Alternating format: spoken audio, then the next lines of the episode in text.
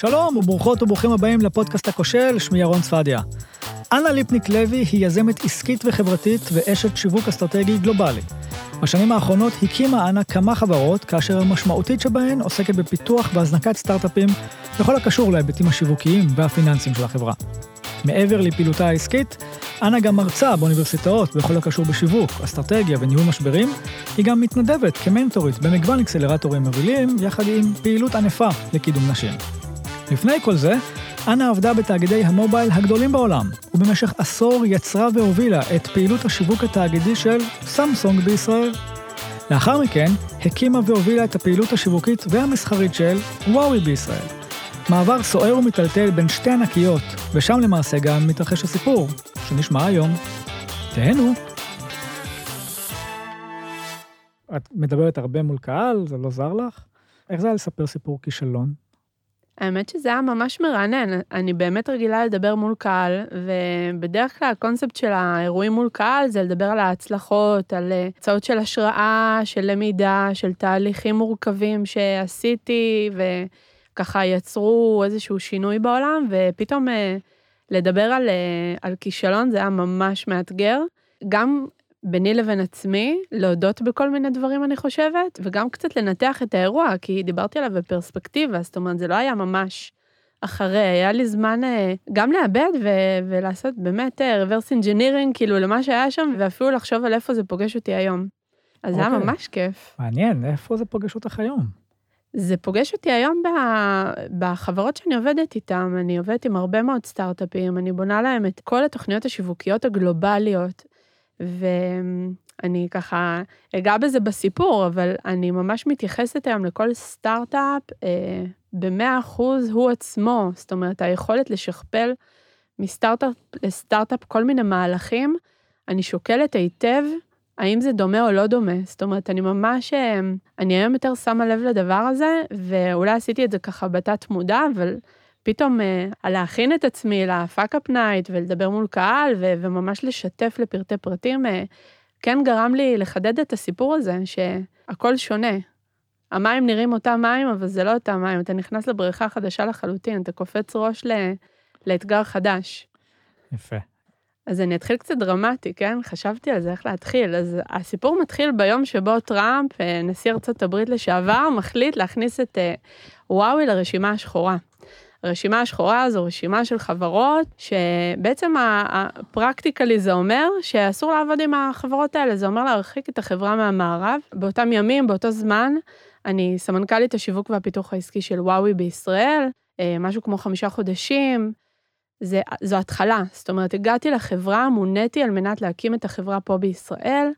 אה, זה לכאורה קורפורט עצום, בינלאומי, סיני, שנמצא בכל מדינות העולם. מצד שני, אנחנו קצת מתנהלים כמו סטארט-אפ, כי בסוף זה כמו איזה סטודנטים בגראז', כי בסוף זה מספר מאוד מאוד בודד של אנשים, וזה הכל קורה בתוך חדר אחד. אז זה היום שבו הכל מתחיל, שם מתחיל הסיפור המדובר. ואני קופצת שנייה כרקע כמה שנים אחורה, שמונה שנים אחורה ליתר דיוק. שמונה שנים לפני, אני נכנסת לסמסונג, חברה כמעט אנונימית לחלוטין פה בישראל, אה, ומתחילה להקים את מחלקת השיווק, מתחילה להקים את האלמנטים הראשונים בשיווק. זה ברמה ממש של פסי מדף על מקררים בחנות, זה, זה שילוטים, זה להתחיל לדבר עם משרדי יחסי ציבור, זה להתחיל לדבר בכלל אסטרטגיה, וככה... סמסונג גדלה ומתעצמת וקופצת, והכל נעשה ב scale, הכל נורא גדול, גם בישראל וגם בחו"ל. באיזה שנה התחלת בסמסונג? התחלתי בסוף 2010, והכל קורה בקפיצות נורא גדולות. ועם הקפיצות האלה גם מגיעים תקציבי ענק. אני מנהלת שיווק, דוברת של החברה. אה, בסוף marketing זה כסף. זה, זה אומר היכולת להניע תהליכים, היכולת לייצר שינוי, היכולת לייצר תודעה, ויחד עם כל הסקייל וה...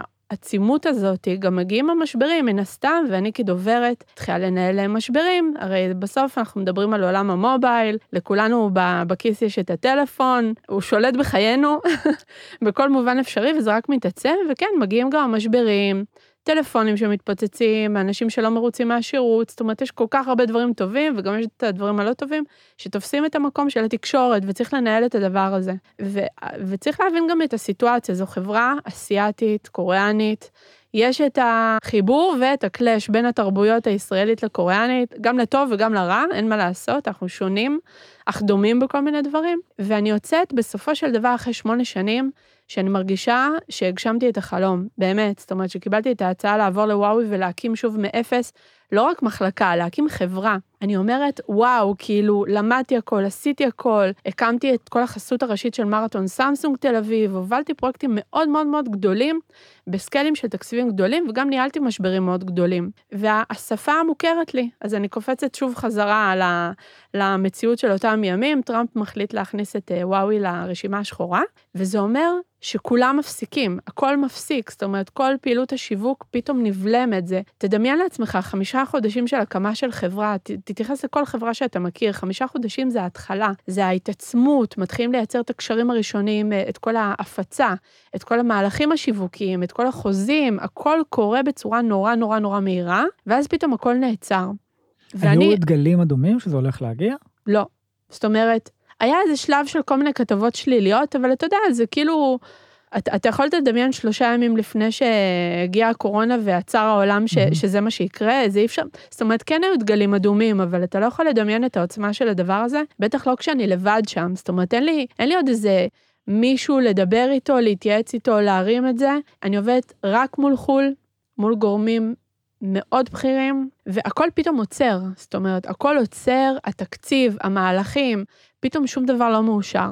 הכל ממש בפריז, ואני מתנהגת כאילו אני עוד בסמסונג, זאת אומרת, אני אומרת, מה הבעיה? כבר חוויתי משברים. המשבר הזה הוא באמת יוצא מפרופורציות לחלוטין, תדמיין לעצמך שכל בוקר אתה קם ל-50-60 כתבות רעות מאוד, שליליות מאוד, על הסינים ועל החברה, ומה הם עשו ומה הם לא עשו, וזה נורא אישי, בסוף כאילו אני שם כדי לנהל את הדבר הזה, אז אני מנסה לנהל אותו. חשבתי שאני באותו מקום, אוקיי, יאללה, משבר ברבק, הנה, בשביל זה באתי, אני הכי טובה בזה, ושום דבר לא עובד. כל אינישייטיב שאני באה להרים, בואו נעשה פעילות תדמיתית כזאת, ובואו נעשה ככה, ובואו נעשה שיתוף פעולה, וכלום לא מאושר, ואני לוחצת, ואני כועסת, ואני מדברת מול כל הגורמים בחו"ל. אני... מה הם אומרים לך כשאת מדברת עם הגורמים בחו"ל? לא, מה הם אומרים? לא מפרטים, אבל אתה מבין שאין פידבק כל כך, זאת אומרת, אני רגילה למשהו לכאורה מאוד דומה. אני גם בסמסונג עבדתי מול כל הגורמים בחו"ל, זה לא משהו חריג, אבל הם פשוט לא מאשרים כלום, זאת אומרת, אפילו לא מתייחסים, אפילו לא עונים. פתאום יש שינויים של אנשים, פתאום יש שינויים של, אה, אה, של החלטות. אני לכאורה מתנהלת כמו שהתנהלתי שם, אני אומרת, מה הבעיה, אני יודעת לתקתק את זה, אני מדווחת, מסדרת, מארגנת, נותנת פתרונות, אני חושבת שאני הכי כאילו פיצחתי את זה, ואני כל פעם מביאה פתרונות מעניינים וטובים ו- וחזקים, ואני מביאה רפרנסים, ואני מדברת עם קולגות בחו"ל, אבל שום דבר לא מאושר, זה ברמה של כלום. ואני פתאום מבינה שאין לי יותר מה לעשות שם. זאת אומרת, אני, אני לא, אני לא מנהלת שיווק, זהו. כאילו, באתי להיות, אה, אה, להוביל את השיווק, להוביל את הפיתוח העסקי, ואני לא עושה את זה. פשוט אין לי שום כלי אמיתי כדי לעשות את זה, כי אין לי אישור לשום דבר. זה, זה בעצם ההתחפרות הזאת בחול, להמשיך, לה, להתעקש ולהמשיך ולהמשיך. ו... לא, לא, לא, לא הצלחתי לעצור את זה, וכל הזמן כעסתי גם. אז לא, לא זיהיתי שאני בסיטואציה שונה לחלוטין, אפילו שזה לכאורה מאוד דומה, שתי חברות גלובליות של מובייל, אסיאתיות, אתה יודע, הכל נראה דומה, אבל זה ממש שונה לחלוטין. גם המשבר, צריך להודות, גם המשבר היה שונה לחלוטין, זה סקיילים אחרים, זה משמעות של שינוי לחלוטין אה, טכנולוגי במכשירים, זה שינוי בדעת קהל, בהפצה, זאת אומרת, היו לזה הרבה משמעויות, אבל שוב, לא ראיתי את זה אז. כאילו ניסית להילחם באותם כלים שיש לך, מבלי להתאים את עצמך לסיטואציה החדשה. כן. מה היית צריכה לעשות אחרת? אני חושבת שאולי הייתי צריכה לשחרר קצת. פחות ללחוץ, או פחות לכעוס, כי זה לא יביא לי שום דבר. אני חושבת שזה בגדול קצת לשחרר, כי בסופו של דבר התוצאה הייתה זהה, זאת אומרת לא קרה כלום, ואני החלטתי שאני אמנם משחררת את ה marketing, אבל שאני הולכת לעשות דברים אחרים, ואז התחלתי בעצם לבנות את ה ecosystem של אה, וואווי עם האפליקציות, זאת אומרת, כמו ה Google Play וכמו ה App Store, אז לעשות את זה לוואווי, והתחלתי בעצם לייצר את כל החיבור של הסטארט-אפים הישראלים מול סין. אבל זה היה מין כזה...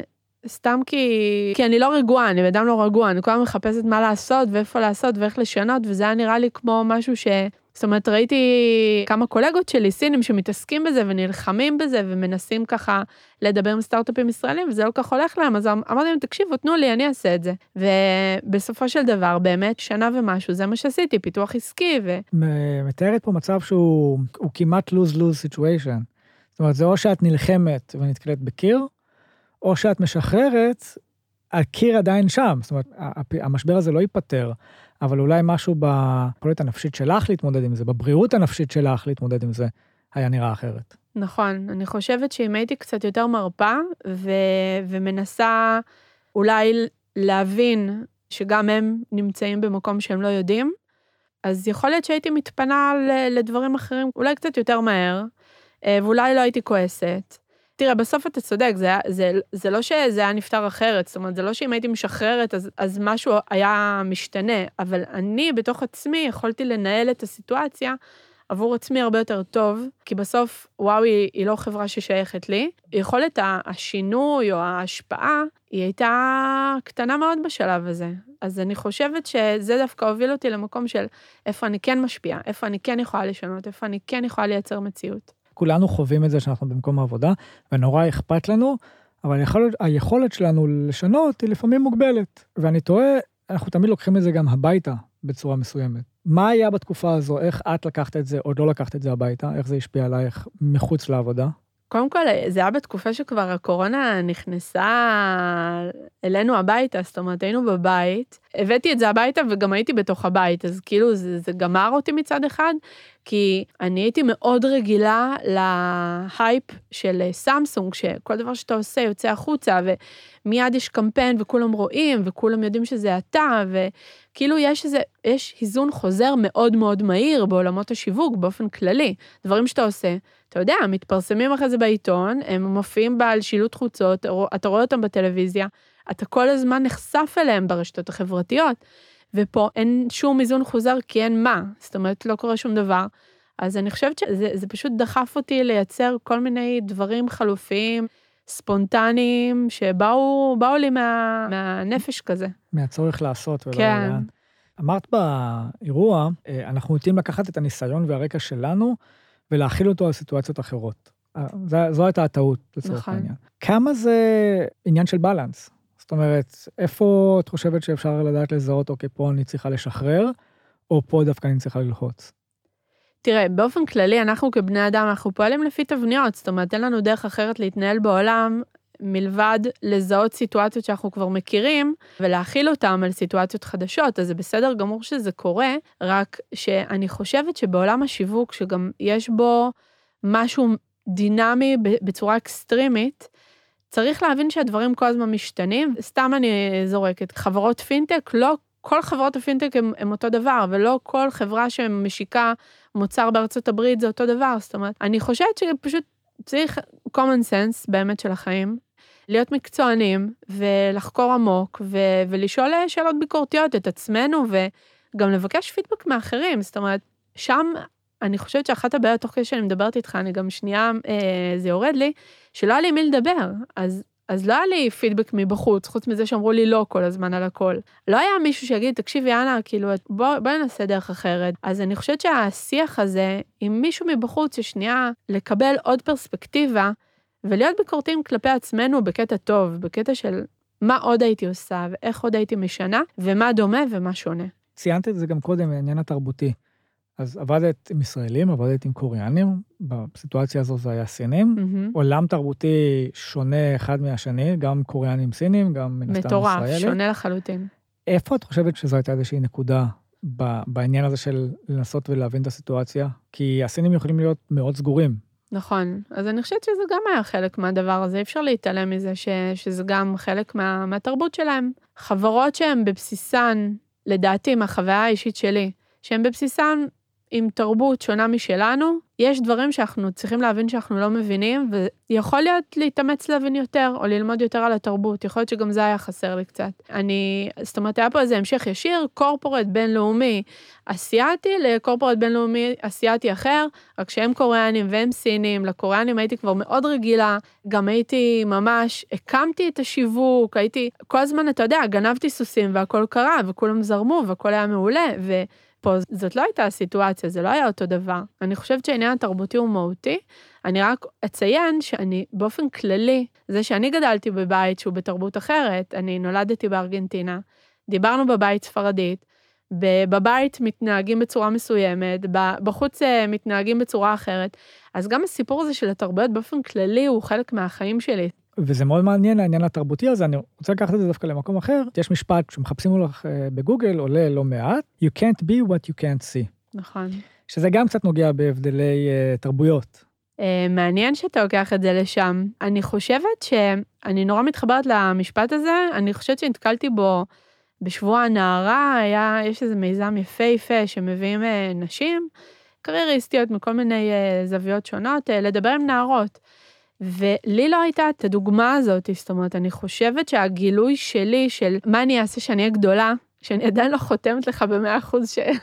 ש... שפיצחתי את זה, אבל, אבל לא הייתה לי שום אה, דוגמה. עלינו לארץ, אה, אני האחות הגדולה, את כל ההיבטים החברתיים, זאת אומרת, אין פה איזה חברי אה, משפחה ש... שההורים היו ביחד בצבא וכל הדבר הזה, וכאילו, הכל התחיל אצלי תמיד, אתה מבין? אני הראשונה שהתגייסתי לצבא, אז לא ידעתי מה זה להתגייס לצבא. לא ידעתי מה זה קורס קצינות, שאלו אותי, את רוצה לצאת לקצונה? אמרתי, כן, ברור, מה זאת אומרת, זה נשמע מגניב, אבל לא, לא היה לי שום מושג מה זה אומר, זה, העולם לא היה אותו עולם, הגוגל לא היה גוגל, הסושיאל לא היה סושיאל בכלל. אז לא, לא הייתה לי שום דוגמה למה אני רוצה להיות שאני אהיה גדולה, ומפה לשם, אם ככה... נרוץ על הקריירה שלי, אז, אז אני חושבת שרק באיזה גיל 28, 9, 30 כזה, היה לי איזשהו כיוון, ממש כיוון, אה, אתה יודע, עדין כזה של אולי שיווק כזה, אבל לא הייתה לי שום דוגמה אישית של מישהי שאני יכולה להזדהות איתה, ואני חושבת שהמשפט הזה אומר המון. הוא אומר, את יכולה להיות כל מה שאת רוצה, ותראי, את, יש לך כבר דוגמאות. אני אשאיל את זה מחברה מדהימה שלי, נטע ריבקין, שאני אוהבת אותה אהבת אחות. היא פרצה את הדרך בעולם ההתעמלות האומנותית, ובזכות הפריצה שלה, הגיעו אחריה כל היתר, וגם לינוי אשרם המדהימה שלנו, שאתה יודע, שבסוף הביאה את מדליית הזהב, אבל אני חושבת שזה ברור שזאת אבולוציה של דוגמה אישית. אז אם נהפוך את המשפט ל-you can be what you can see, ואני חושבת שזה על אחת כמה וכמה בעולמות של נשים. נערות צריכות לדעת שהן יכולות לעשות הכל, נשים צריכות לדעת שהן יכולות לעשות הכל, וכשיש להן איזושהי דוגמה שהן יכולים טיפה להזדהות איתה, אני חושבת שזה מסיר חסמים מיותרים, ויש לנו יותר מדי כאלה לצערי. זה משפט שמעסיק אותי, ואני גם מנחילה אותו לבנות שלי, אני כל הזמן בדיאלוג איתם של, אתם תעשו את כל מה שאתם רוצות, רק תעשו, רק תהיו אקטיביות בדבר הזה. אז אני מקריאה להם סיפורים על נשים פורצות דרך, ואנחנו מדברים על, על עבודה שלי, והן מכירות אה, חברות שלי שהן מעניינות, ואני דואגת כל הזמן לחשיפה, אז החשיפה הזאת פותחת דלתות לאחרות. אני חיה בעולם בתחושה שיש בי הרבה מאוד רבדים, זאת אומרת, יש בי את אנה שהיא הישגית ומקצוענית ומגיעה מעולם השיווק, ויש את אנה האימא, שרוצה להיות האימא הכי טובה. ויש אה, מנעד שלם של, של דברים שאני שואפת להיות בהם טובה, ואני פחות טובה בהם, או שאני לא מצליחה בהם, או שאני לא מצליחה בהם פעם ראשונה ושנייה, אבל שלישית אולי כן. זאת אומרת, אנחנו אנשים של כל כך הרבה ממדים, ואני לא מאמינה בהכל מוצלח, הכל מהמם, הכל מושלם, כי א', זה לא נכון, אצל אף אחד, ותמיד יש מורכבויות. וב', אני חושבת שאף פעם לא הייתה לי בעיה לדבר על, על האישוז שלי, זאת אומרת, יש לי כישלונות, לכולם יש, וממש אין לי שום בעיה לספר על זה לכל מי שמוכן לשמוע, כי אני חושבת שמכל כישלון כזה, א', הוא חלק ממני, הוא חלק מהטעויות שעשיתי, אבל הוא גם חלק משמעותי מההצלחות שלי, ומהיכולת שלי לקחת את, ה, את הדברים ש, שלא הצלחתי בהם, או שהתנהגתי בהם לא כמו שאם הייתי חושבת על זה שוב, או, או משקיעה בזה יותר זמן, הייתי מתנהגת ככה. אתה את יודע, יש משהו שהבנות שלי תמיד אומרות, נגיד נשפך להם משהו, או נופל להם משהו, או משהו לא הולך להם, אומרות, לא נורא. וזה, ואני פתאום שומעת אותם אומרות אותי, כי, כי זאת אני, לא נורא, בסדר, לא הלך, לא הצליח, הכל בסדר, כאילו הסיבה, הסיפור הזה של הכל בסדר, הוא מאוד מוטמע בי. אפרופו לעניין התרבותי, חלק אולי מהמעבר הזה, סליחה, לארץ זרה? אה, אין לי ספק, אין לי ספק, כי ראיתי את ההורים שלי נלחמים הרבה שנים על המקום שלהם, על ללמוד עברית, להתפרנס בכבוד, בטח. ההורים שלי עזבו הכל, הגיעו לפה, באמת. בלי כסף, בלי קשרים, בלי נכסים, בלי שום דבר, כאילו, גם בלי שפה. אה, אבא שלי הגיע לפה רופא, היה צריך לעבור עוד פעם את כל המבחנים Mhm. כדי להיות אה, רופא.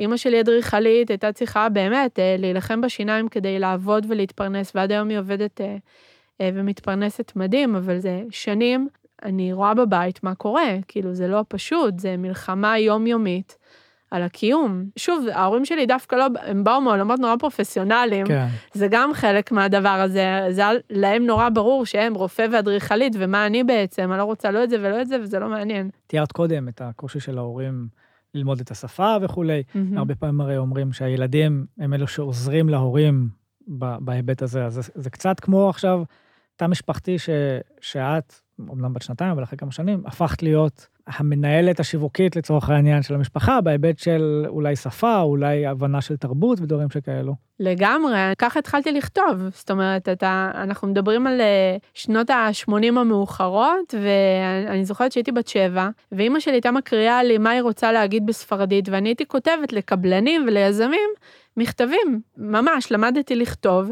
היא הייתה יושבת איתי ורואה איתי אה, אלפי ובלי סודות, והיא למדה ככה עברית, ואני הייתי כותבת לה מכתבים לקבלנים ולאדריכלים, ו- וככה למדתי לכתוב. זאת אומרת, זאת, זו הייתה ההתחלה. של כתיבה. כל לשבת, אתה יודע, אה, דנה נמה, דנה קמה, כאילו זה היה אה, יזם יקר שלום, להלן תוכניות אדריכליות לזה, כזה, כאילו זה, נשמע אחלה לילדה בת שבע.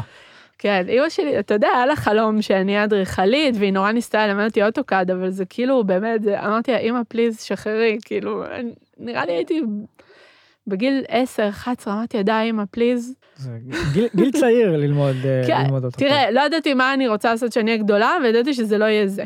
זה כבר משהו. כן. היום, וציינת את זה גם קודם, כשאת עובדת עם החברות שאת עובדת איתן היום, ואת רואה את הדרך שהחברות האלו עושות, והיזמיות והיזמים האלו עושים. איפה המקום שלך, מתוך הניסיון שלך, באמת לבוא ולעזור להם? תראה, המקום שלי, אני חושבת שהוא מאוד ספציפי. אני חושבת שאני צריכה לעשות הכל כדי שהם לא ייפלו. זאת אומרת, אני ממש צריכה לעשות הכל. יש uh, מצבים שבהם יזם או יזמת מתעקשים ברמה כזאת, שאני אומרת להם, תקשיבו, בסדר, כאילו. אני, אני, לא- אני לא יכולה, אתה יודע, אה, להכריח אף אחד, אני יכולה להיות על תקן אה, אה, אשת המקצוע הכי טובה שאני שואפת להיות, ולעשות הכל כדי למנוע טעויות, אבל יש גבול מסוים שבו אני אומרת, אוקיי, בסדר, כאילו, נעשה את זה בדרך שלכם. אבל עם זאת, אני חושבת שעולם השיווק הוא דווקא, דווקא מעצם היותו לונה פארק, ואני חושבת שגם העולם שלי הוא לא בדיוק שיווק, הוא שיווק וביזדב, זאת אומרת, אני כן תמיד מסתכלת על האימפקט העסקי, זה נורא נורא נורא מהול אחד בשני. וזה לונה פארק, כי אין דרך אחת. אף מנהל שיווק לא יודע את כל הפתרונות, כי כל תמהיל יכול להביא לתוצאות אחרות לחלוטין, ושוב, זה בדיוק מתחבר עוד פעם לסיפור הכישלון, כי מה שהצליח לי בסמסונג לא הצליח לי בוואוי, על האף שלכאורה הכל היה דומה, וככה גם בכל תהליך אסטרטגי שיווקי שאתה תוכל להצביע עליו. אני יכולה לעשות השקה ראשונה בצורה מסוימת, והפעם הבאה, אם אני אעשה את אותו דבר, זה לא יעבוד, כי, כי שוב, הדינמיקה השתנתה, הדברים השתנו, אנחנו גם חייבים להיות מאוד מאוד גמישים בהיבט הזה, ולנתח כל מצב חדש לחלוטין. ציינת אה, את העניין של שאנחנו בני אדם, אנחנו פועלים לפי תבניות, ויחד עם זאת עכשיו, את הצורך לפעמים להילחם בתבניות האלה ולא ללכת לפי התבניות.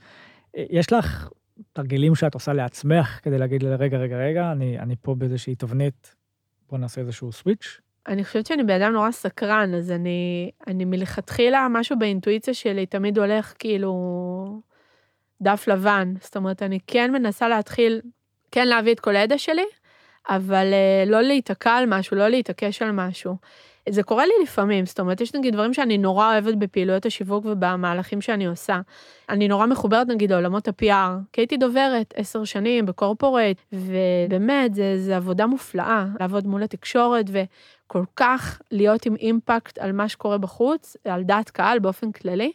אז זה משהו שהוא, אני חושבת שהוא נורא חזק ומהותי, וכן, כל לקוח שמגיע אליי, אני כנראה ישר ימליץ לו, תקשיב, זה יהיה חלק מה, מהתוכנית השיווקית הכללית, וחשוב לעשות אותה כמה שיותר מהר. אבל גם שם, אני לא אתקע על, ה, על התזמון, או על התמהיל, או על הדרך שבה זה נעשה. זאת אומרת, גם אז, כשאני יודעת שיש איזו תבנית שחשוב לעשות PR, אני אתן לזה את ההתייחסות המתאימה ליזם, כי כל יזם ויזמת הם אחרים לחלוטין, לשלב שבו נמצאת החברה, לתקציב הכללי, לתוכנית העבודה, למוצר, זאת אומרת, יש כל כך הרבה אלמנטים שיכולים לשנות לחלוטין. אפילו ברמה שאם אני משיקה מוצר ב- באירופה או בארצות הברית, יש לזה משמעות אדירה. אני טועה כי כאילו עבדת בסמסונג ווואוי, אני לא יודע אם בוואוי זה יצא, אבל בסמסונג תקציבי ענק, אפשר לעשות מלא מלא מלא מלא מלא דברים, נכון. ופה סטארט-אפים, תקציבים קטנים, אי אפשר לעשות מלא מלא מלא מלא דברים. איך, איך מיישבים את זה? אז אני חושבת שזו הסיבה שהחלטתי להקים את, ה, את החברה אה, עם השותפים שלי, זה בדיוק מהמקום הזה. אז קודם כל בוואוי כן, עד שקרה מה שקרה עם אה, אדון טראמפ, אה, היו תקציבי ענק וזה היה נורא נורא כיף, וזה באמת כיף שיש תקציבים, כי אתה באמת יכול להגשים חלומות כל הזמן. וסטארט-אפים זה עולם אחר, כי התקציב הוא פקטור מאוד מאוד רציני. ואתה לא יכול לעשות מה שאתה רוצה. אז המהות של כל העבודה שלנו ב-The Founder זה לקפסל, זאת אומרת, אני אדבר על החלק השיווקי, כי אנחנו גם נותנים אה, את, ה, את כל הפעילות הפיננסית. אני בעצם קיפסלתי את כל התובנות האסטרטגיות שלי מהקורפורט, ואני בעצם מעניקה אותם לסטארט-אפים, הם לא צריכים להתגלח על אף אחד ועל שום דבר, כי הם מקבלים כבר את כל הידע גיוון, זאת אומרת, החשיבה היא כבר 360, אה, ואני יודעת מה יקרה בשלב הבא, והבא הבא, ואיך נתכונן לראונד, ואיך נתכונן להשקה של מוצר, ואיך אה, נפתח שוק, זאת אומרת, אני כבר יודעת כל כך הרבה צעדים קדימה, מה צריך לקרות, ואיך לפזר את הכסף, ככה שאין פה צורך במנוע פיננסי כמו בקורפורט. ההתאמה היא התאמה של 100% למצב החברה. ואגב, אם יש חברות שהן נורא נורא בתחילת דרכם, והן לא מוכנות להוציא תקציבים, אז אני בצער רב, יותר ברמה של ייעוץ, אבל אה, לא, לא נכנסת לפעילות, כי, כי צריך להבין שמרקטינג זה, גם כשזה סטארט-אפ, זה סעיף תקציבי אה, משמעותי. צריך להיות ביכולת להבין שזה לטווח ארוך ולא לטווח קצר, זאת אומרת, אין ולא יקרה מצב כזה שאתה מתחיל פעילות שיווקית ופתאום מפסיק אותה כי אין לך כסף. בוא נגיד ככה, זה גם יכול לקרות, אבל אסור להיות ב mindset כזה שלא נורא, מקסימום אני אעצור. לא, צריך לדעת למנן, להוריד, לשנות תמהיל, לחשוב איפה אנחנו מול היעדים שלנו, מה ה-ROI של כל הפעילות, זאת אומרת, זה כמובן כן, לעשות אופטימיזציות, אבל חייבים להבין שזה always on. יש תפיסה שאומרת שחברות ישראליות יודעות לפתח מוצרים, לא יודעות לשווק ולמכור אותם. לפי החיוך שעולה לך לפנים, מה, מה דעתך על התפיסה וואי, הזו? וואי, ממש לא.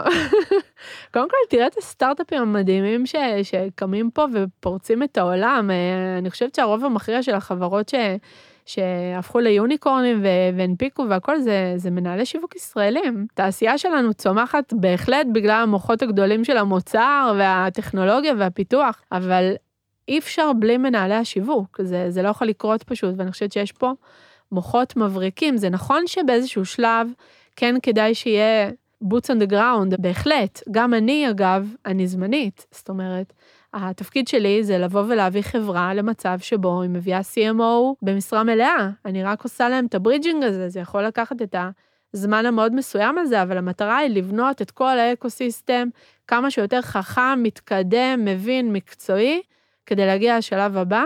אבל אני חושבת שיש פה מוחות מבריקים, מהלכים מבריקים, ו...